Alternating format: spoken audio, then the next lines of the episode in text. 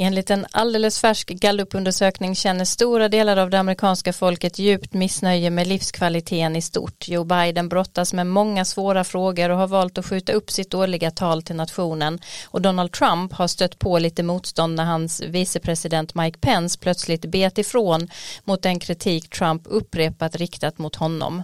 En av få ljusglimtar för många är Super Bowl som närmar sig, vilket eh, blir ett välkommet avbrott i pandemin och andra orosmoln.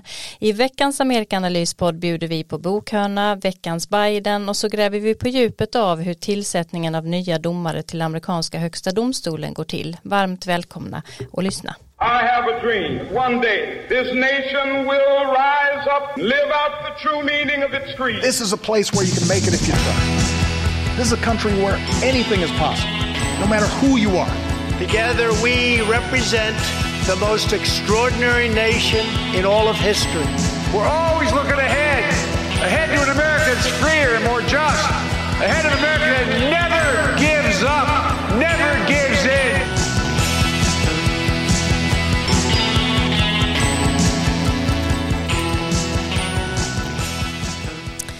Ja, varmt, varmt välkomna till ännu ett avsnitt av Amerikanalyspodden. Jag har tappat räkningen, jag vet faktiskt inte vilket avsnitt i ordningen det är. Men idag vet jag att det är jag, Frida Stranne, som sitter här eh, i vår poddstudio på Högskolan i Halmstad.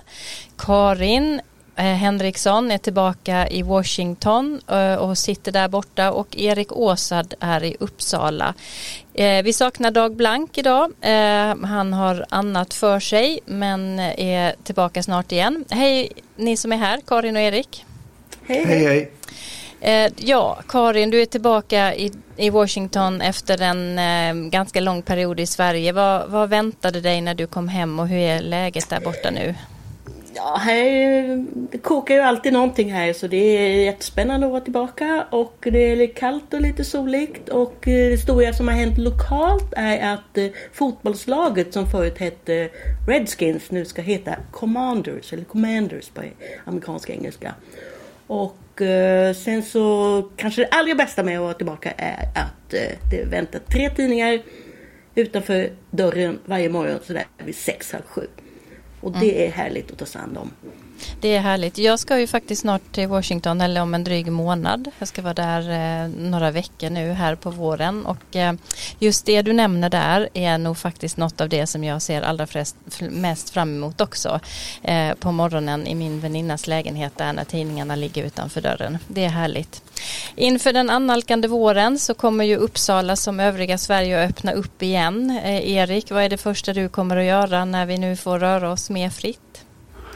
Eh, ja, det blir väl bland annat att återuppta en del goda vanor från förr. Eh, till exempel att träffa goda vänner och släkt och familjemedlemmar och inte minst att resa lite grann. Jag har saknat det under den här långa pandemiperioden. Mm. Det är nog väldigt många som ser fram emot det, så även jag. Inte minst det här med att ganska fritt få träffa vänner och släkt igen. Ja, vi har fått några lyssnarfrågor eh, efter vårt senaste avsnitt som eh, handlar om eh, att man vill veta lite mer om varför det republikanska partiet har förändrats så radikalt. Mer än det som vi tog upp om den vita väljargruppen som känner sig hotad och Eh, att man har insett att det är demografiskt svårt att vinna val eh, framåt. Vad tänker du om det Erik? Är det den enda riktigt tydliga förklaringen eller vad, vad kan man mer säga om den här förändringen du pratade om i förra avsnittet?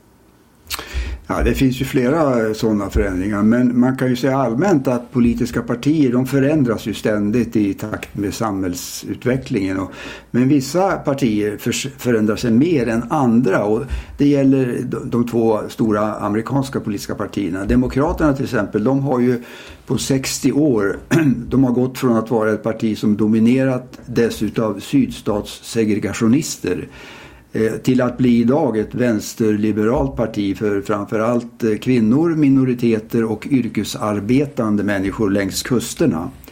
Eh, republikanerna har på bara under de senaste 6-7 åren gått från att vara ett traditionellt konservativt parti det mest framgångsrika i modern tid i västvärlden måste man säga till att bli ett högerpopulistiskt parti med klara auktoritära drag som domineras som vi vet av en enda person och hur länge det kommer att vara det återstår ju att se. Och jag tycker att man måste ändå se det så att republikanska förändringen, förändringen av det partiet är betydligt mer långtgående än Demokraterna eftersom den inte bara handlar om policyförändringar i, i frågor till exempel som gäller invandring eller frihandel eller utrikes och säkerhetspolitiska frågor utan också om en grundläggande skepsis har växt fram här under Trump-åren till demokratin. Eh, som lett till att många av partiets både anhängare och förtroendevalda inte längre vill erkänna utgången av demokratiska val. Vi, såg ju det senast eh, efter valet 2020. Och dessutom vill de ju göra det svårare för motståndare att eh, rösta i valen. Och den här förändringen den bottnar ju i att trumpismen har tagit över partiet så, så fullständigt. Eh, och eh, ledande statsvetare de brukar ju framhäva då två huvudfaktorer för att förklara Donald Trumps framgångar. Dels det som du nämnde nu Frida, de demografiska förändringarna som ju lett till ett slags statusängslan brukar man tala om eh, bland de vita invånarna. Dels också att Trump nådde ut till inte minst vita väljare och då framförallt lågutbildade vita män i periferin ehm, i, i till exempel, på landsbygden till exempel som tidigare inte röstat i många utav dem. Eh, och varför gjorde han det? Jo, hans budskap utav antielitism, eh, antiimmigration, anti-immigration, kritik mot minoriteter och det här budskapet som han också hade att frihandeln och den ekonomiska utvecklingen har missgynnat stora grupper i det amerikanska samhället. Det budskapet tillsammans fann en resonansbotten i bland många väljare som tidigare alltså hade varit i periferin och inte röstat ens. Eh, och vi minns ju att bara han, skulle, bara han kom till makten så skulle allt detta fixa sig. Han sa ju det på republikanska eh, konventet eh, 2016. I alone can fix it. Och jag tar upp eh, just den här utvecklingen i de två senaste böckerna som jag har skrivit. Eh, Med lögnen som vapen heter den, den ena och Hotet mot demokratin den andra som vi har nämnt tidigare här i podden. Mm. Sen eh, bara en sista punkt är att jag tycker att den demografiska faktorn ändå är viktigast. Och eh, det finns en statsvetare som heter Diana Mats, M-U-T-Z hon menar i sin analys att det var, det var den faktorn som avgjorde valet 2016 och hon pekar då på att traditionella högstatusamerikaner och det är då främst vita kristna män känner en stor oro för att de håller på att förlora sin privilegierade position i samhället i takt med att minoriteterna växer så snabbt som de gör. Och kom ihåg då också att över hälften, 52 procent av de som deltog i stormningen av Kapitolium för drygt ett år sedan inte var några extremister eller dropouts som man talar om utan det var människor med vanliga medelklassyrken som bor i områden där just den vita befolkningen successivt minskar. Mm.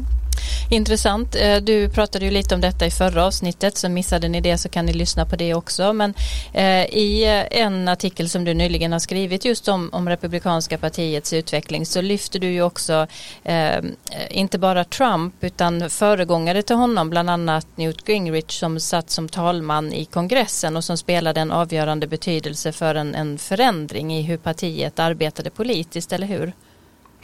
Ja just det, det finns ju flera föregångare som liksom har bäddat mm, jordmånen kan man säga för, för Donald Trump. Och eh, man kan ju gå tillbaka till 90-talet och Pat Buchanan som då ställde upp i två val som presidentkandidat. Han hade inga stora framgångar men han hade ett likartat budskap som Donald Trump hade. Men, eh, mycket aggressiv politisk stil och också högerpopulistiskt program. Men just nu Gingrich som du nämnde, han kom ju in i kongressen i representanthuset 1978 och han hade då en väldigt eh, ska vi säga, klar agenda. Och det var att man skulle inte längre kompromissa med motståndarna utan man skulle kritisera och försöka besegra dem helt enkelt. Och det, så att Trump, man måste se det som en liksom föregångare till Trump och trumpismen. Mm.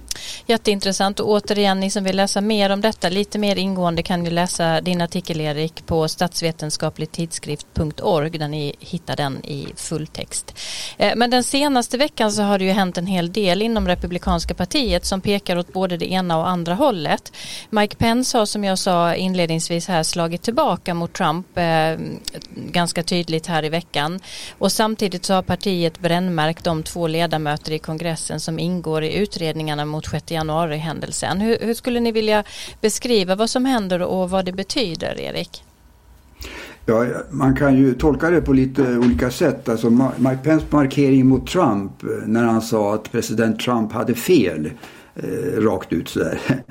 Det kan man ju se som att han långt om länge nu vill frigöra sig från Trump och inte längre bara passivt ta emot vad han säger om honom, eh, felaktigheter och förolämpningar och så. Men jag tycker det är intressant att notera var Pence höll det där talet. Det var ju inför den här juristorganisationen Federalist Society som är en konservativ juristgrupp med mycket stor makt just över eh, HD-utnämningar och federala domar och så har de haft stora framgångar. Eh, och sen sa han ju inte något annat än vad amerikanska skolbarn egentligen får lära sig när de läser konstitutionen. Så det var ju liksom ingen nyhet det han sa att jag kunde inte ändra valresultatet var ju vad han sa. Och det, det visste ju alla men det, det faktum att han sa det offentligt nu eh, uppmärksammades ändå. Eh, sen kan man också uppmärksamma det att han inte sa att Trump förlorade valet och att Biden var en, vann en legitim seger. Eh, möjligen kommer han att eh, orka med att säga det lite längre fram om han nu skulle bli kandidat till exempel i, i primärvalen för Republikanerna. Men sen å andra sidan det, så hände det ju eh, samtidigt när han höll det där talet så hade RNC, alltså Republican National Committee, ett möte. De samlades där och då prickade de, du antydde det här Frida, två utav de ledande republikanerna i kongressen som sitter i den här 6 januari-kommittén Liz Cheney och Adam Kinzinger.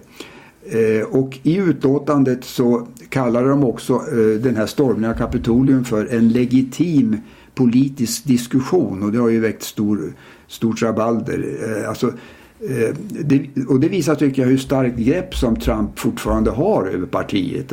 Att, att Trump under den här veckan som gick nu öppet erkände faktiskt att han ville att Trump, eller förlåt att Pence skulle ogiltigförklara valet Eh, det tycker man inte är något att, att orda om inom partiet längre utan de som arbetar i det här kongressutskottet ser man att de arbetar tillsammans med motståndarna och det är mycket allvarligare då enligt, enligt partiet. Det är ju partiet vi pratar om här som dess ledning. Nu talar ju vissa bedömare här om att det finns en öppen konflikt inom partiet men jag tror att Trump tills vidare kommer att behålla sitt järngrepp över anhängarna och eh, om han inte ställer upp dem som kandidat nästa gång 2024 då tror jag det är troligare eh, att en kopia av honom, en slags Trump eh, light, tar hem nomineringen än en Mitt Romney-kandidat. Du brukar vara lite mer försiktig över Trumps betydelse Karin. Håller du fast vid det? ja, jag håller fast vid det. Mm. Jag tror faktiskt på teorin om att det, det pågår en tilltagande splittring i det republikanska partiet. Och att fler och fler måste välja sida nu framöver när mellanårsvalet närmar sig. För då, jag tror jag sa det förra, förra gången, att de måste ju tänka på sitt eget skinn. Och just den här, det här citatet som Erik nämnde har ju upp, tolkats som, som en varningsklocka eller en typ av milstolpe från många. Det här, nu måste vi faktiskt rensa upp här. Vi kan inte ha den här typen av åsikter i vårt parti. Alltså vi måste stå upp för sanningen och så vidare. Och det finns också opinionsmätningar som tyder på att Trumps ställning har försvagats något. Och det var också många som uttalade stöd för Trump, eller förlåt mig, för jag menar för Pence och sa att han var modig som äntligen då steg fram. Och eh, Pence förre stabschef som heter Mark Short och som eh, förmodas vara en av de viktiga, ett av de viktiga vittnena i 6 januari-utskottet. Han var utfrågad i tv häromdagen och då på frågan om, hur, om Trump fortfarande är partiledare så svarade han att eh, Trump förblir en viktig kraft i partiet. Så min gissning är alltså att om Pence nu tänker ställa upp 2024 så finns det nog folk eller personer som vill tvätta bort den här Trump-stämpeln och positionera sig inför ett eventuellt maktskifte. Och eh, sen ser man också väldigt tydligt att det är många republikaner som tycker att Trump faktiskt måste sluta prata om 2020 och titta framåt. Man kan inte vinna på att säga att man liksom hävdar fortfarande flera år efteråt att man förlorade det förra valet. Och eh, han har ju faktiskt eh, förlorat tre gånger kan man säga. Majoriteten i representanthuset 2018, presidentvalet 2020 och sen indirekt de här två senatsvalen i Georgia som gjorde att Demokraterna fick majoritet i senaten. Mm. Och så duggade ganska mycket negativa och rent av bisarra nyheter. Som nu senast om Trumps inställning till krav på att um, arkivera material från Vita huset. Och det finns många säkert sanna uppgifter om att han faktiskt så gott som dagligen rev sönder eh, Eh, dokument och papper och slängde på golvet och att då personalen var tvungna att klistra ihop dem igen. Och, och att också att han tog med sig eh, lådor med dokument till Mar-a-Lago. Däribland den här omtalade korrespondensen med eh, Kim Jong-Un i Nordkorea. Det som han kallade för kärleksbrev. Jag ska bara säga en sak till, nämligen att eh, Erik nämnde Newt Gingrich och eh, han var ju, det är sant alltså, det var han som ändå la grunden till vad som hände senare. Men man pekar också på Sarah Palin som en, en viktig person i det här sammanhanget. Och därmed skulle det alltså vara då John McCain, den väldigt beundrade konservativa senatorn från Arizona, som faktiskt också är delaktig i, i den här förändringen i partiet i och med att han utsåg henne som vicepresidentkandidat. Mm, intressant. Vi har ju ingen betting site här och här handlar det ju inte om rätt eller fel utan det är ju jätteintressant att det finns olika liksom, analyser att göra om läget här. vad tänker du om det Karin säger Erik? Eh, hur ser du på den utvecklingen i partiet att det ändå finns krafter nu som börjar försöka utmana? Ja, det, jag, mycket av det, alltså, alla fakta som vi hörde här är ju helt korrekta. Så att, och det är frågan om hur ska man tolka dem. Jag tror ju inte att Mark, Mark Short, alltså stabschefen som Pence hade, är någon särskilt tung person inom partiet. Utan viktigare är ju vart, vart tar Trumps anhängarskara vägen? Ponera att inte Trump ställer upp igen. Då är, kommer de att engagera sig vidare under, under de kommande åren politiskt? Eller kommer de att gå tillbaka i, i viloläge och bli passiva igen? Det, eh, det, alltså det, det tror jag är en, en av många avgörande frågor. Eh, sen det här med Sarah Palin som du sa Karin, det tror jag är alldeles riktigt och jag nämner faktiskt henne i inledningen på min artikel i den där tidskriften som eh, eh, du nämnde Frida, statsvetenskaplig tidskrift. Så att jag inleder med det för hon, hon hade ju en väldigt viktig roll eh, när hon slog igenom som politiker. Och där spelade ju John McCain, som ju var motsatsen till Donald Trump verkligen på många sätt, en, en, en destruktiv roll kan man säga. Och vi vet ju alla att han tog ju henne i ett desperat försök att liksom återta ett, ett eh, under, undertag, vad heter det? Han låg underläge mot Barack Obama i opinionen då eh, 2008. Mm. Fortsättning följer och den som lever får se som det brukar heta. Nu går vi över till eh, veckans Biden.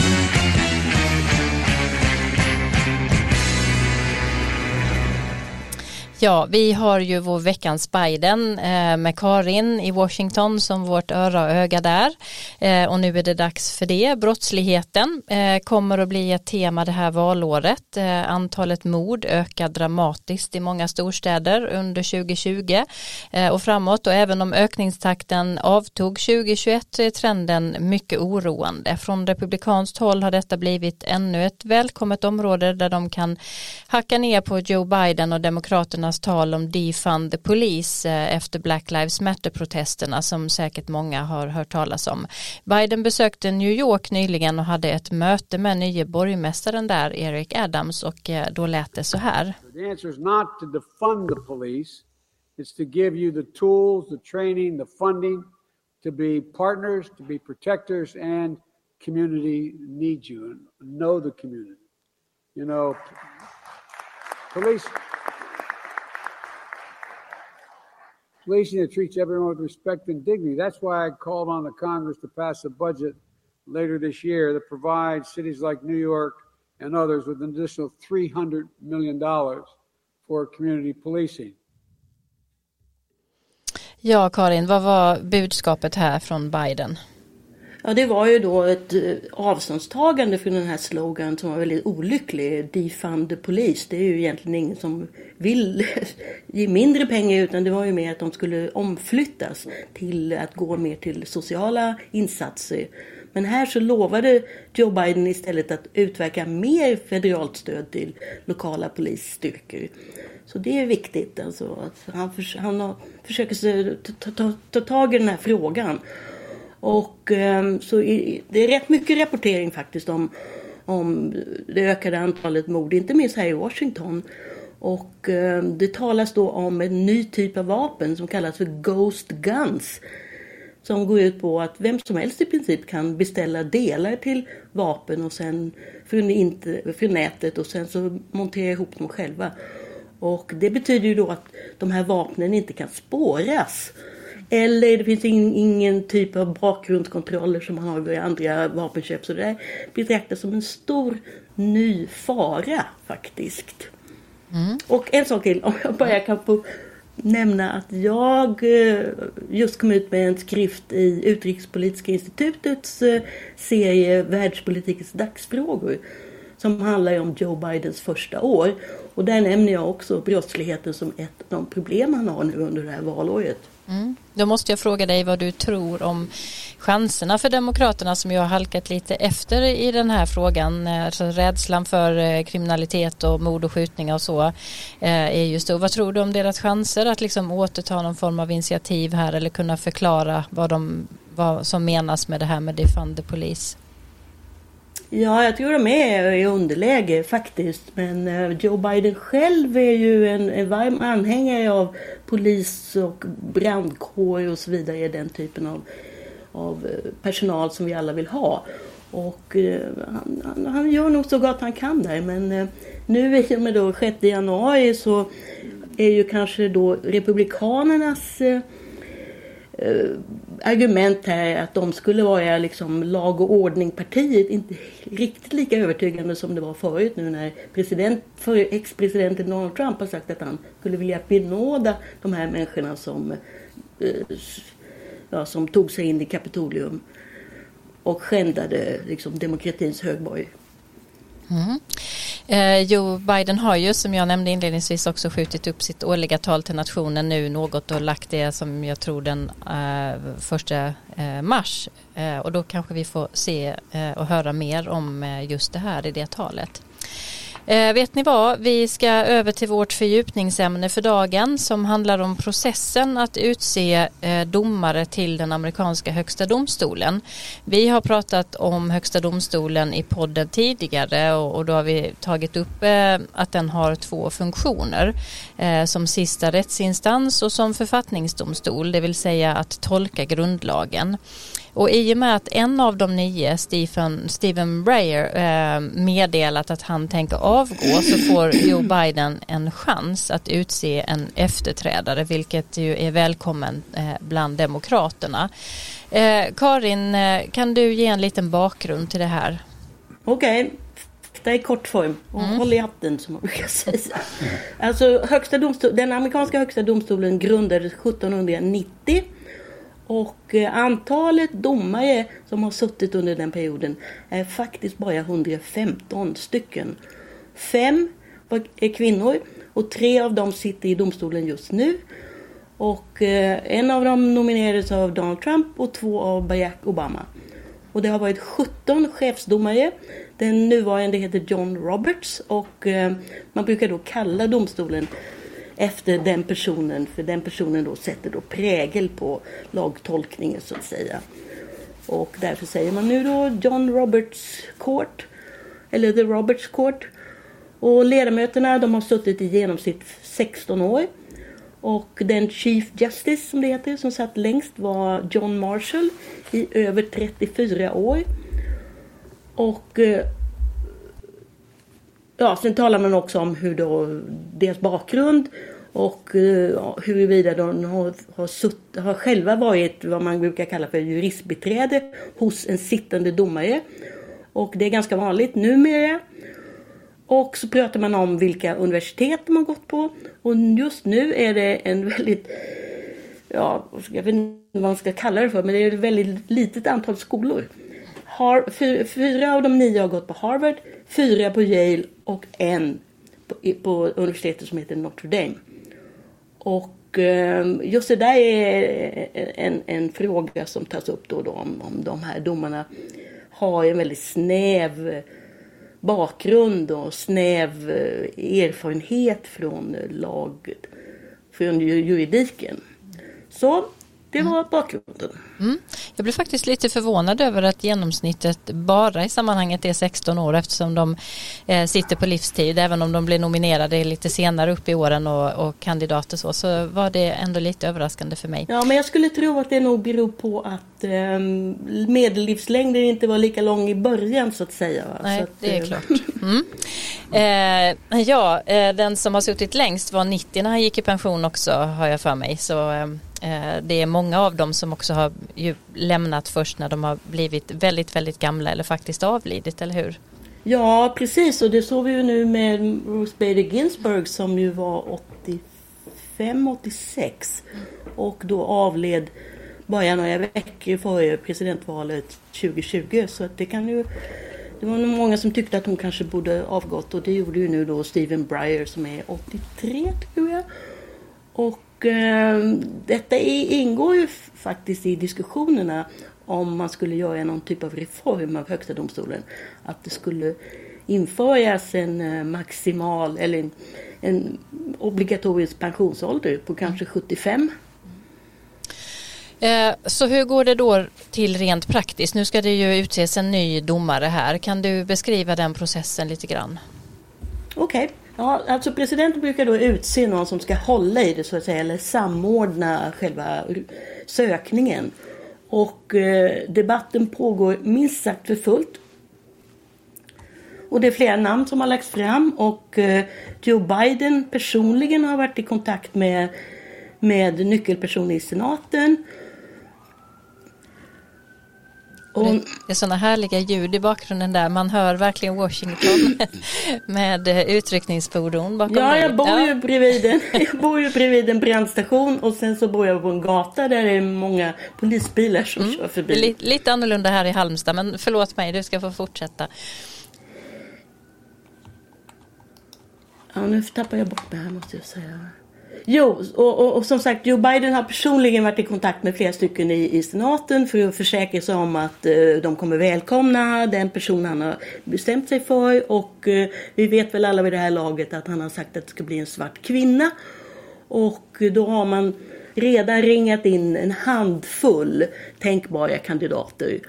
Och eh, en av dem heter Michelle Childs och hon är domare i South Carolina och en stat som hon då kommer ifrån och det gör ju även Jim Clyburn som är eh, en av ledarna i eh, representanthuset och som i hög grad bidrog till att Joe Biden blev Demokraternas kandidat 2020. Så han förmodas verkligen tala för hennes sak.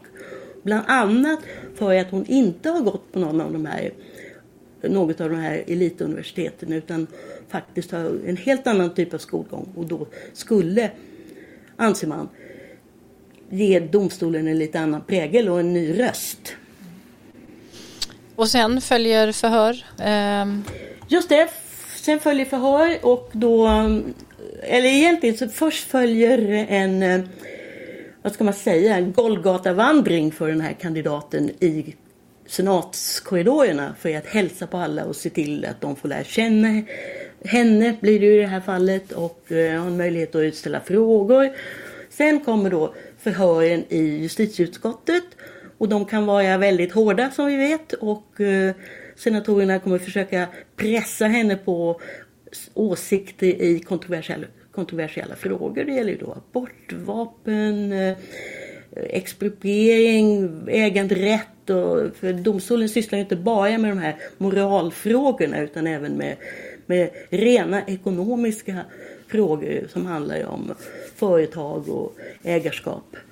Och efter det, om det har gått bra då, och då blir det omröstning i justitieutskottet och sen så småningom, kanske ganska snabbt, så blir det då omröstning i hela senaten. Och eh, det blir då en test på huruvida Biden har då åstadkommit ny, mer av tvärpolitiskt stöd än vad Donald Trump gjorde. Det kommer att bli väldigt, eh, väldigt spännande framöver. Och slutligen så ska jag bara nämna att det är mycket tal om att Joe Biden inte bör liksom göra som man gjorde förr. Nämligen att det här kunde pågå i flera veckor eller flera månader till och med. Utan köra en Trump. Att nu ska vi, det här ska gå undan. Vi ska ha det här klart på några veckor. Mm. Erik? Eh, ja, om man går tillbaka lite och tittar på de här nomineringarna. De har ju vållat debatt och kontroverser kan man säga ända sedan 1980-talet. Men inte så mycket tidigare. utan eh, Kandidaterna de började inte utfrågas inför justitieutskottet förrän i slutet av 1950-talet faktiskt. Så Eh, då började man med sina offentliga förhör och de slutade ofta då med att kandidaterna röstades igenom med stöd av en stor senatsmajoritet från, från båda partierna. Eh, nomineringen av juristen Robert Bork 1987 det var ett slags vändpunkt eh, anser man. Därför att han nominerades då av Ronald Reagan och han var mycket kontroversiell genom sitt sin tolkning av konstitutionen som kallas då för original intent. Eh, alltså att eh, det grundlagsfäderna inte explicit hade satt på papper, det skulle man inte ta hänsyn till, ett slags bokstavstolkning stod han för. Och särskilt hans åsikt att konstitutionen inte nämner medborgarnas right to privacy och där ingår ju till exempel aborträtten, väckte stark opposition bland demokraterna i, i, i det dåvarande utskottet. Och där satt både Joe Biden som ordförande på den tiden och eh, Ted Kennedy också som tog en ledande eh, roll där i oppositionen mot den här juristen Robert Bork. Eh, sen var det också mängder av intressegrupper som engagerades och vittnade mot den här Bork och bekostade då kostsamma tv-annonser och det slutade med att han röstades ner till senaten och det där gav också upphov till ett uttryck som man ser ibland och det är uttrycket You've been borked. Eh, som man utsätts då liksom för samma process som den här Bork gjorde. Eh, här inleddes alltså i slutet på 80-talet en politisering utav nomineringarna som inte var vanlig tidigare. En annan vändpunkt det var förhören med Clarence Thomas, en annan jurist, 1991 då George H.W. Bush, pappa Bush, var president. Eh, och vittnesmålet i hans förhör av Anita Hill eh, som anklagade då Clarence Thomas för sexuella trakasserier. Det blev kolossalt uppmärksammade förhör, jag minns dem själv. Och det ledde till att eh, även kandidaternas privata leverne ansågs efter det legitimt att tas upp. Och vi minns ju att det gjordes ju precis det i förhören med domaren Brett Kavanaugh Eh, för några år sedan när han förhördes. Eh, under förhören här med den här Clarence Thomas så kom det fram då uppgifter om att han hade betett sig olämpligt mot en medarbetare som han hade haft på en myndighet som han förestod. Och det, var, det var den här eh, medarbetaren Anita Hill.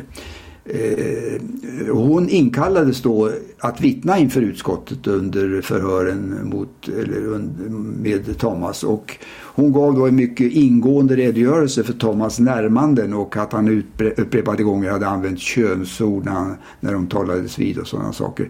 Eh, och vi kan lyssna här på ett hett inlägg eh, när Thomas försvarade sig mot de här anklagelserna. I would like to start by saying unequivocally, uncategorically, that I deny each and every single allegation against me today that suggested in any way that I had conversations of a sexual nature or about pornographic material with Anita Hill, that I ever attempted to date her, that I ever had any personal sexual interest in her, or that I in any way ever harassed her. A second, and I think more important point, I think that this today is a travesty. It's a national disgrace. And from my standpoint, as a black American, as far as I'm concerned, it is a high tech lynching for uppity blacks who in any way deign to think for themselves, to do for themselves, to have different ideas. And it is a message that unless you kowtow to an old order, this is what will happen to you. You will be lynched, destroyed, caricatured by a committee of the U.S. U.S. Senate rather than hung from a tree. Ja, eh, här använder sig alltså Clarence Thomas av den starkast möjliga metaforen eh, man i hans position kan använda sig av för att försvara sig när han talade om att han utsatts för high-tech lynching eh, av utskottet och indirekt också då av Anita Hill. Trots det så godkändes han då med knapp marginal i senaten, 52 mot 48 var det. Och Brett Kavanaugh eh, senare eh, godkändes också eh, efter före med honom med ännu knappare marginal 2018. 50 röster mot 48 var ju det. Va? Ja, inom parentes sagt så kan man bara tillägga det att jag följde båda de här utfrågningarna som säkert ni gjorde också. Och mitt intryck består när man går tillbaka till de här fallen att eh, båda vittnena i de här utförhören, Anita Hill och Christine Blasey Ford, som ju anklagade Brett Kavanaugh för att sexuellt ha över, begrivit sexuellt övergrepp mot henne i gymnasiet. Eh, de var, tycker jag, eller tror jag, var mer trovärdiga i sina vittnesmål. De var mycket mer detaljerade, mycket mer ehm, övertygande än vad, än vad de här domarkandidaterna var i sitt försvar. Och om det stämmer, om det stämmer, då innebär ju det att både Thomas och Kavanaugh ljög faktiskt under ed. Vilket är ett federalt brott som kan leda till fängelse. Och nu sitter de i landets högsta domstol och dömer andra i viktiga mål. Jag tycker det är viktigt att ha med den eh, synpunkten. Får jag, Men får sammanfattningsvis, jag, där, får jag bara inflika ja. där Erik, för att eh, om jag inte missminner mig så har också eh, eh Joe Biden faktiskt, eh, eh, om än inte helt tydligt men ändå talat lite om att han ångrar hur han för han ledde väl det utskottet ja. under förhören kring Anita Hill och att han har uttryckt sig att han ångrar mycket av hur de utfrågningarna gick till och hur man hur man förlitade sig på eller vilka uppgifter man förlitade sig på. Jag kan ja. säga något också. Ja, mm. ja, alltså det har han gjort men Anita Hill har inte godtagit detta. Hon anser sig fortfarande väldigt illa behandlad.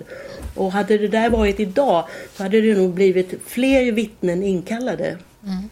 Det finns eh, väldigt bra ehm, eh, filmatisering av eh, de utskottsförhören och hela det här eh, Anita Hill-caset. Ehm, ehm, det är inte så länge sedan jag såg den men eftersom jag eh, aldrig kommer ihåg titlar på filmer eller skådespelares namn så kan jag inte säga mer än så men det, var, det finns väldigt bra gjorda spelfilmer om det här. Jag vet inte om du kommer ihåg Karin om du har sett det? Nej. Nej.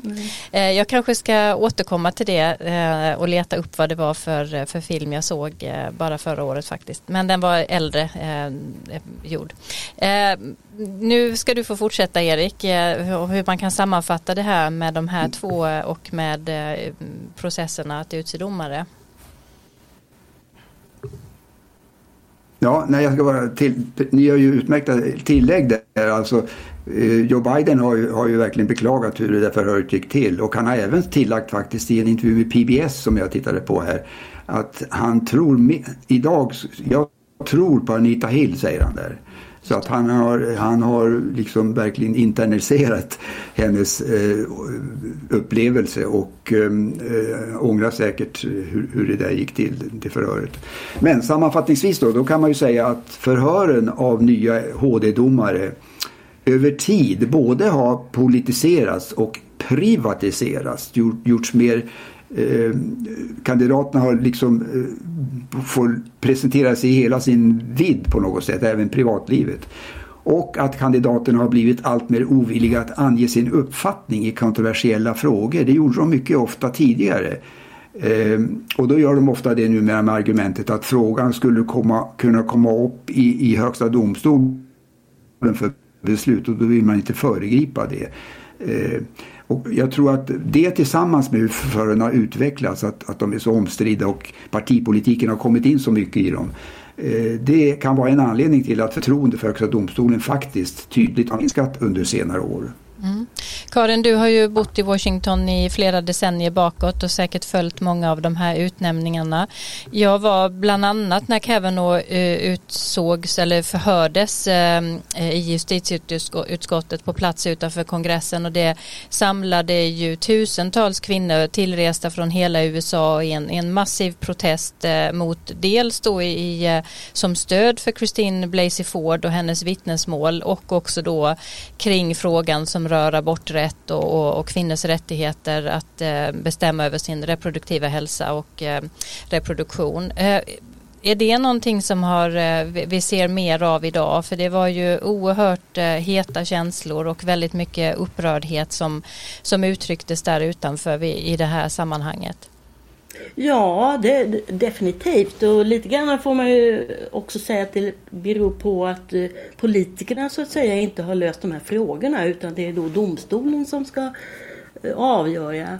Och vad gäller Clarence Thomas och invändningarna mot honom så stämde det ju verkligen att han Idag är han domstolens mest konservativa domare. Och jag för egen del, de bevakade det där, jag minns att jag särskilt vände mig mot att Clarence Thomas sa att han inte hade alls tänkt på eller funderat på Roe mot Wade, alltså det abortmålet. Alltså det mål som, som legaliserade aborter. Det lät ju fullkomligt osannolikt. Varför skulle inte en, en, högsta, en, en kandidat till högsta domstolen ha tittat på detta och funderat över hur han eller hon själv skulle rösta. Det är ju ofattbart. Mm. Eh, men eh, som sagt det är ett av många tillfällen där eh, amerikaner verkligen, alltså de som är engagerade i vissa frågor sluter upp och åker till, till Washington för att protestera och demonstrera och göra sina röster hörda på olika sätt. Eh, och de här utnämningarna har på senare år verkligen varit sådana tillfällen. Eh, Joe Biden då tillbaka till honom. Han lovade ju att utse en svart kvinna. Eh, var det klokt? Kan han, kan, det kan ju betraktas som att han på något sätt fjäskar för en stor väljargrupp och han låser också in sig i, i den här processen nu som med, med vilken kandidat som kan bli aktuell. Vad säger du om det Karin? Ja, man kan då säga att han inte är ensam om detta. Eh, Ronald Reagan lovade i valrörelsen 1980 att han skulle utse en kvinna, Lady Justice. Och det gjorde han också med Sandra Day O'Connor som blev den första kvinnan i HD. Och eh, så det är lite svårt för Republikanerna att argumentera emot.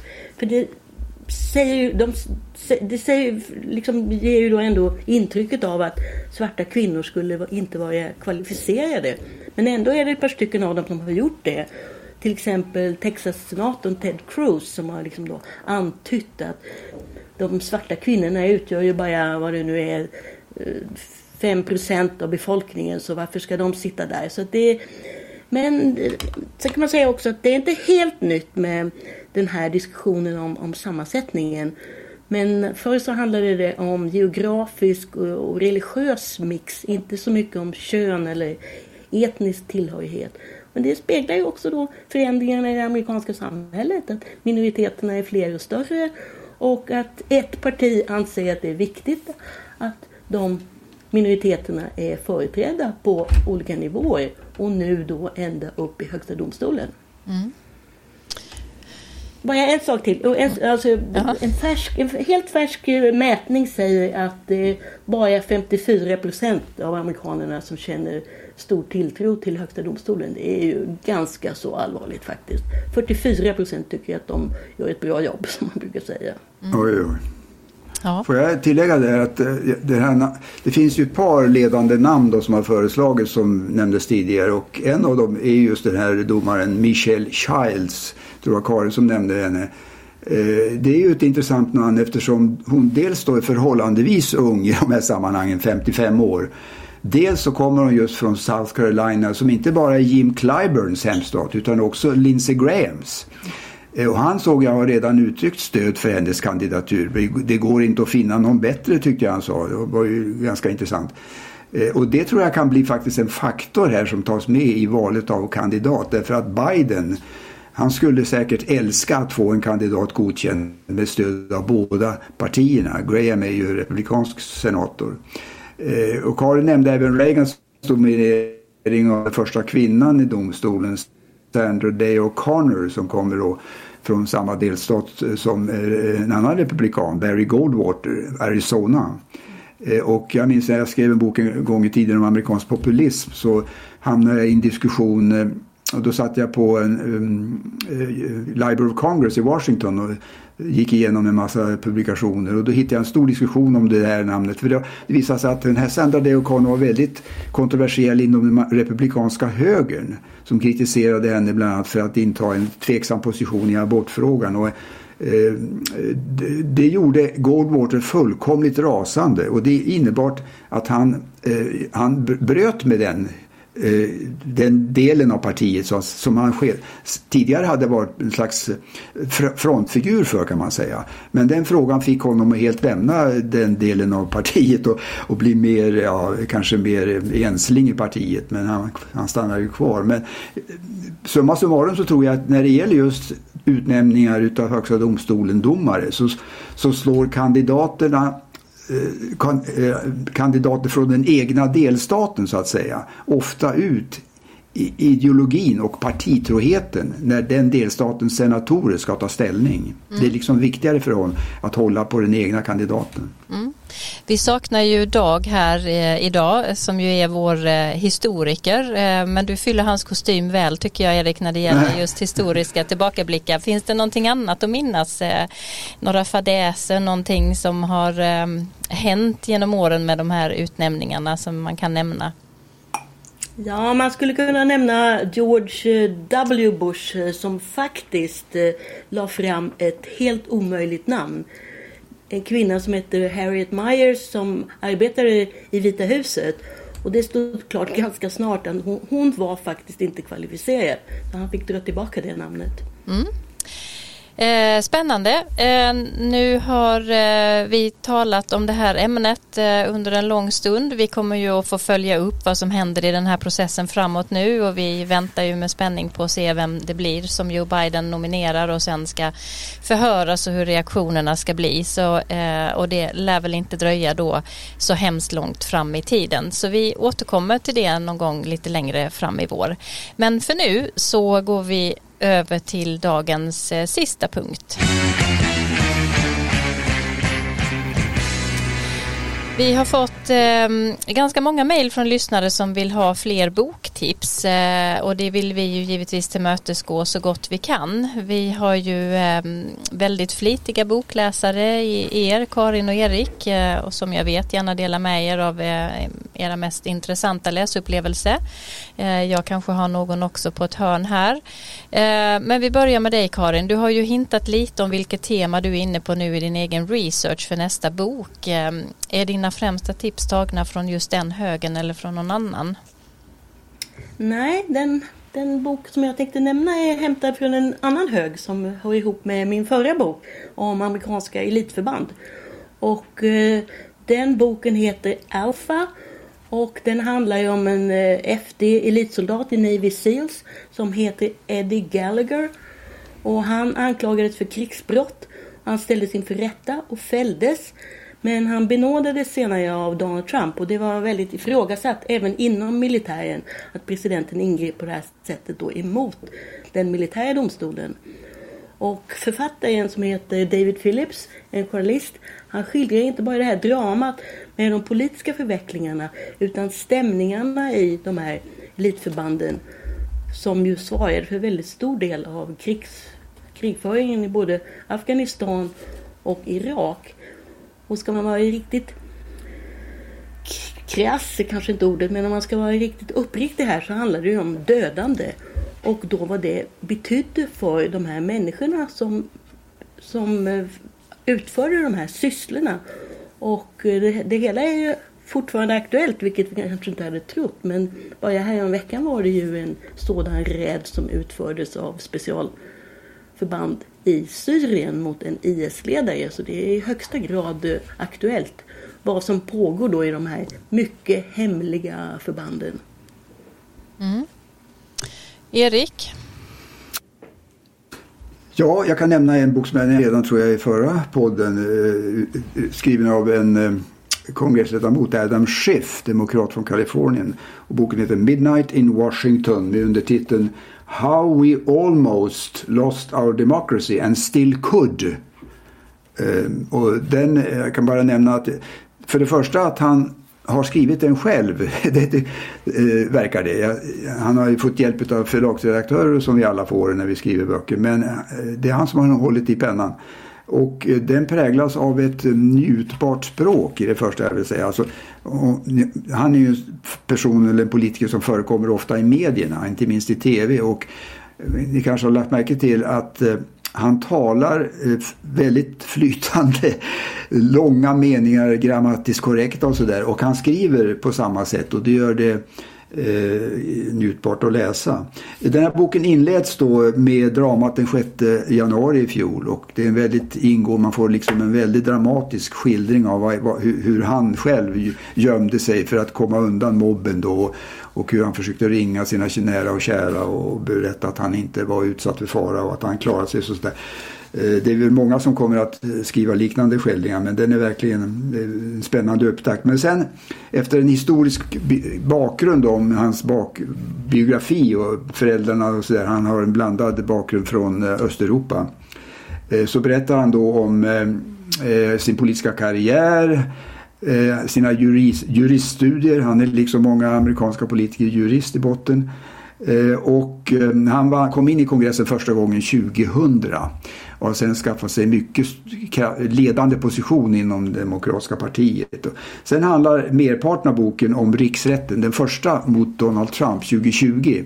Där var han, han var ju den ledande åklagaren i den grupp som eh, de kallas ju för House Managers som eh, eh åtalade Trump där. Och eh, det, den där skildringen är väldigt ingående och man får en oerhört inträngande bild inifrån. Vad egentligen, vilka strategier man hade, hur man skulle lägga upp för, eh, anklagelsepunkterna, vad skulle man använda, vad skulle man lämna därhän och sånt där. Väldigt spännande och, och, och, och så. Ehm, sen har han en intressant iakttagelse när det är mediernas roll och man glömmer ju det ibland. Eh, att eh, de spelade ju en enormt stor roll under hela Donald Trumps tid i, i, i Vita huset. Men inte minst under um, riksrätten och där, där, han hade ju ett helt tv-bolag som stod upp för honom, Fox News. Och um, han skriver där att uh, han jämför med Nix, riksrätten mot Nixon 1974 som ju inte kom igång riktigt. Nixon åtalades men han avgick ju innan riksrätten satte igång. Men han skriver så här att Eh, Eh, om Nixon hade haft lyxen att ha Fox News bakom ryggen då så skulle han inte ha behövt avgå, skriver han.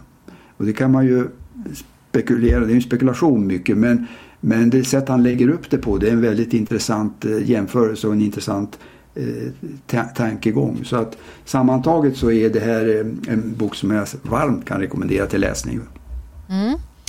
Eh, du har säkert fler i din hög Karin. Jag läser så mycket akademisk litteratur nu och ganska strikt inriktat på amerikansk utrikespolitik. Eh, och det är kanske inte riktigt det som eh, lyssnarna har frågat efter. Men jag tänkte ändå en av de böckerna som jag tycker är intressant och som jag tror kanske att en del kan också ha intresse av i kölvattnet av eh, reträtten ifrån Afghanistan och att man nu liksom avslutar krigen mot eh, Afghanistan och Irak.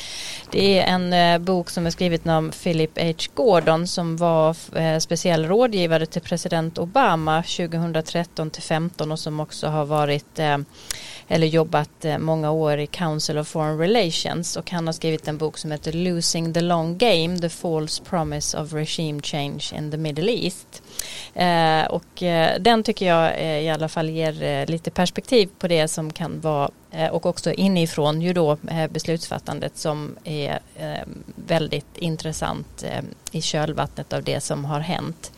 Ehm, det finns en annan bok som jag ofta återkommer till och som säkert de flesta av våra väldigt initierade poddlyssnare själva har läst men eh, som jag råkade dra fram häromdagen igen och det är faktiskt Howard Zins People's History of the United States så skulle det vara någon som inte har läst den eh, någon gång eh, så tycker jag att eh, den är väl värd också i dessa tider med eh, så mycket social oro och frågor som finns uppe och bubblar eh, i det amerikanska samhället just nu. Eh, Karin, eh, förutom eh, den boken du nämnde innan, har du någon, någon bok som du tycker att våra lyssnare ska titta närmare på? Ja, jag såg att eh, den svenska översättningen av Barack Obamas självbiografi kommit ut i en mycket tjock pocketbok. Och jag skulle säga att det är en oerhört välskriven och läsvärd bok. Men den är också kompakt. Det tar rätt lång tid att, att ta till sig innehållet. Man får ta den i små doser. Får jag fråga då, och för sen... att jag har den liggande på min, vid min eh, vid mitt sängbord och jag har aldrig riktigt orkat mer än en liten bit in. Så eh, vad är det som ska motivera mig till att, eh, till att läsa den tycker du? Ja, jag tycker att han eh, resonerar ju tydligt om varför han eh, åtog, eller varför han intog vissa ståndpunkter. Och sen handlar det ju rätt mycket också om hans eh, konflikter eller hans svårigheter med Republikanerna i kongressen. Och det där är ju också aktuellt fortfarande och jag tycker det är, han, han, jag tycker han är öppen också. Han, han medger en del av sina svagheter och jag tycker det men det, men det här är ju bara första delen, sen ska mm. det väl komma 400 sidor till. Ja, och jag vet givetvis att jag borde läsa den. Eh, det kommer så småningom. Eh, vad skulle du säga? Du hade fler böcker tror jag. Ja, bara en sak. Alltså den mest omtalade politikboken just nu eh, kom häromdagen. Och den är skriven av eh, en journalist på New York Times som heter Jeremy Peters. Och den har då titeln Insurgency How Republicans Lost Their Party and Got Everything They Ever Wanted. Och om någon är intresserad av vad han har att säga då, det är också på, då på temat eh, 6 januari och Republikanerna och eh, vad som pågår. Så kan man göra en sökning på internet och för han, han ställer upp i en massa intervjuer och podcasts just nu. Jeremy Peters. Mm. Intressant, det är lite att läsa eh, eftersom eh, vi läser kontinuerligt så får vi väl återkomma till det här med att tipsa lite om böcker eftersom det är många som vill ha förslag på vad som är värt att läsa i den, de stora bokutgivningarna som ändå kommer. Du hade ingen mer eh, Erik va, som du ville tipsa om? Nästa gång. Nästa gång, då väntar vi på det. Eh, och så med det säger vi eh, stort tack för, eh, till er som har lyssnat för idag. Eh, jag säger varmt tack till Erik och Karin för att ni i vanlig ordning delar med er av allt ni vet och kan om USA. Eh, tack till Johan eh, Lindström för ljudillustrationer och eh, vill ni så hörs vi igen om 14 dagar om helt andra saker. Eh, ta hand om er så länge. I have a dream. One day, this nation will rise up, live out the true meaning of its creed. This is a place where you can make it if you try. This is a country where anything is possible, no matter who you are. Together, we represent the most extraordinary nation in all of history. We're always looking ahead, ahead to an America that's freer and more just, ahead of an America that never gives up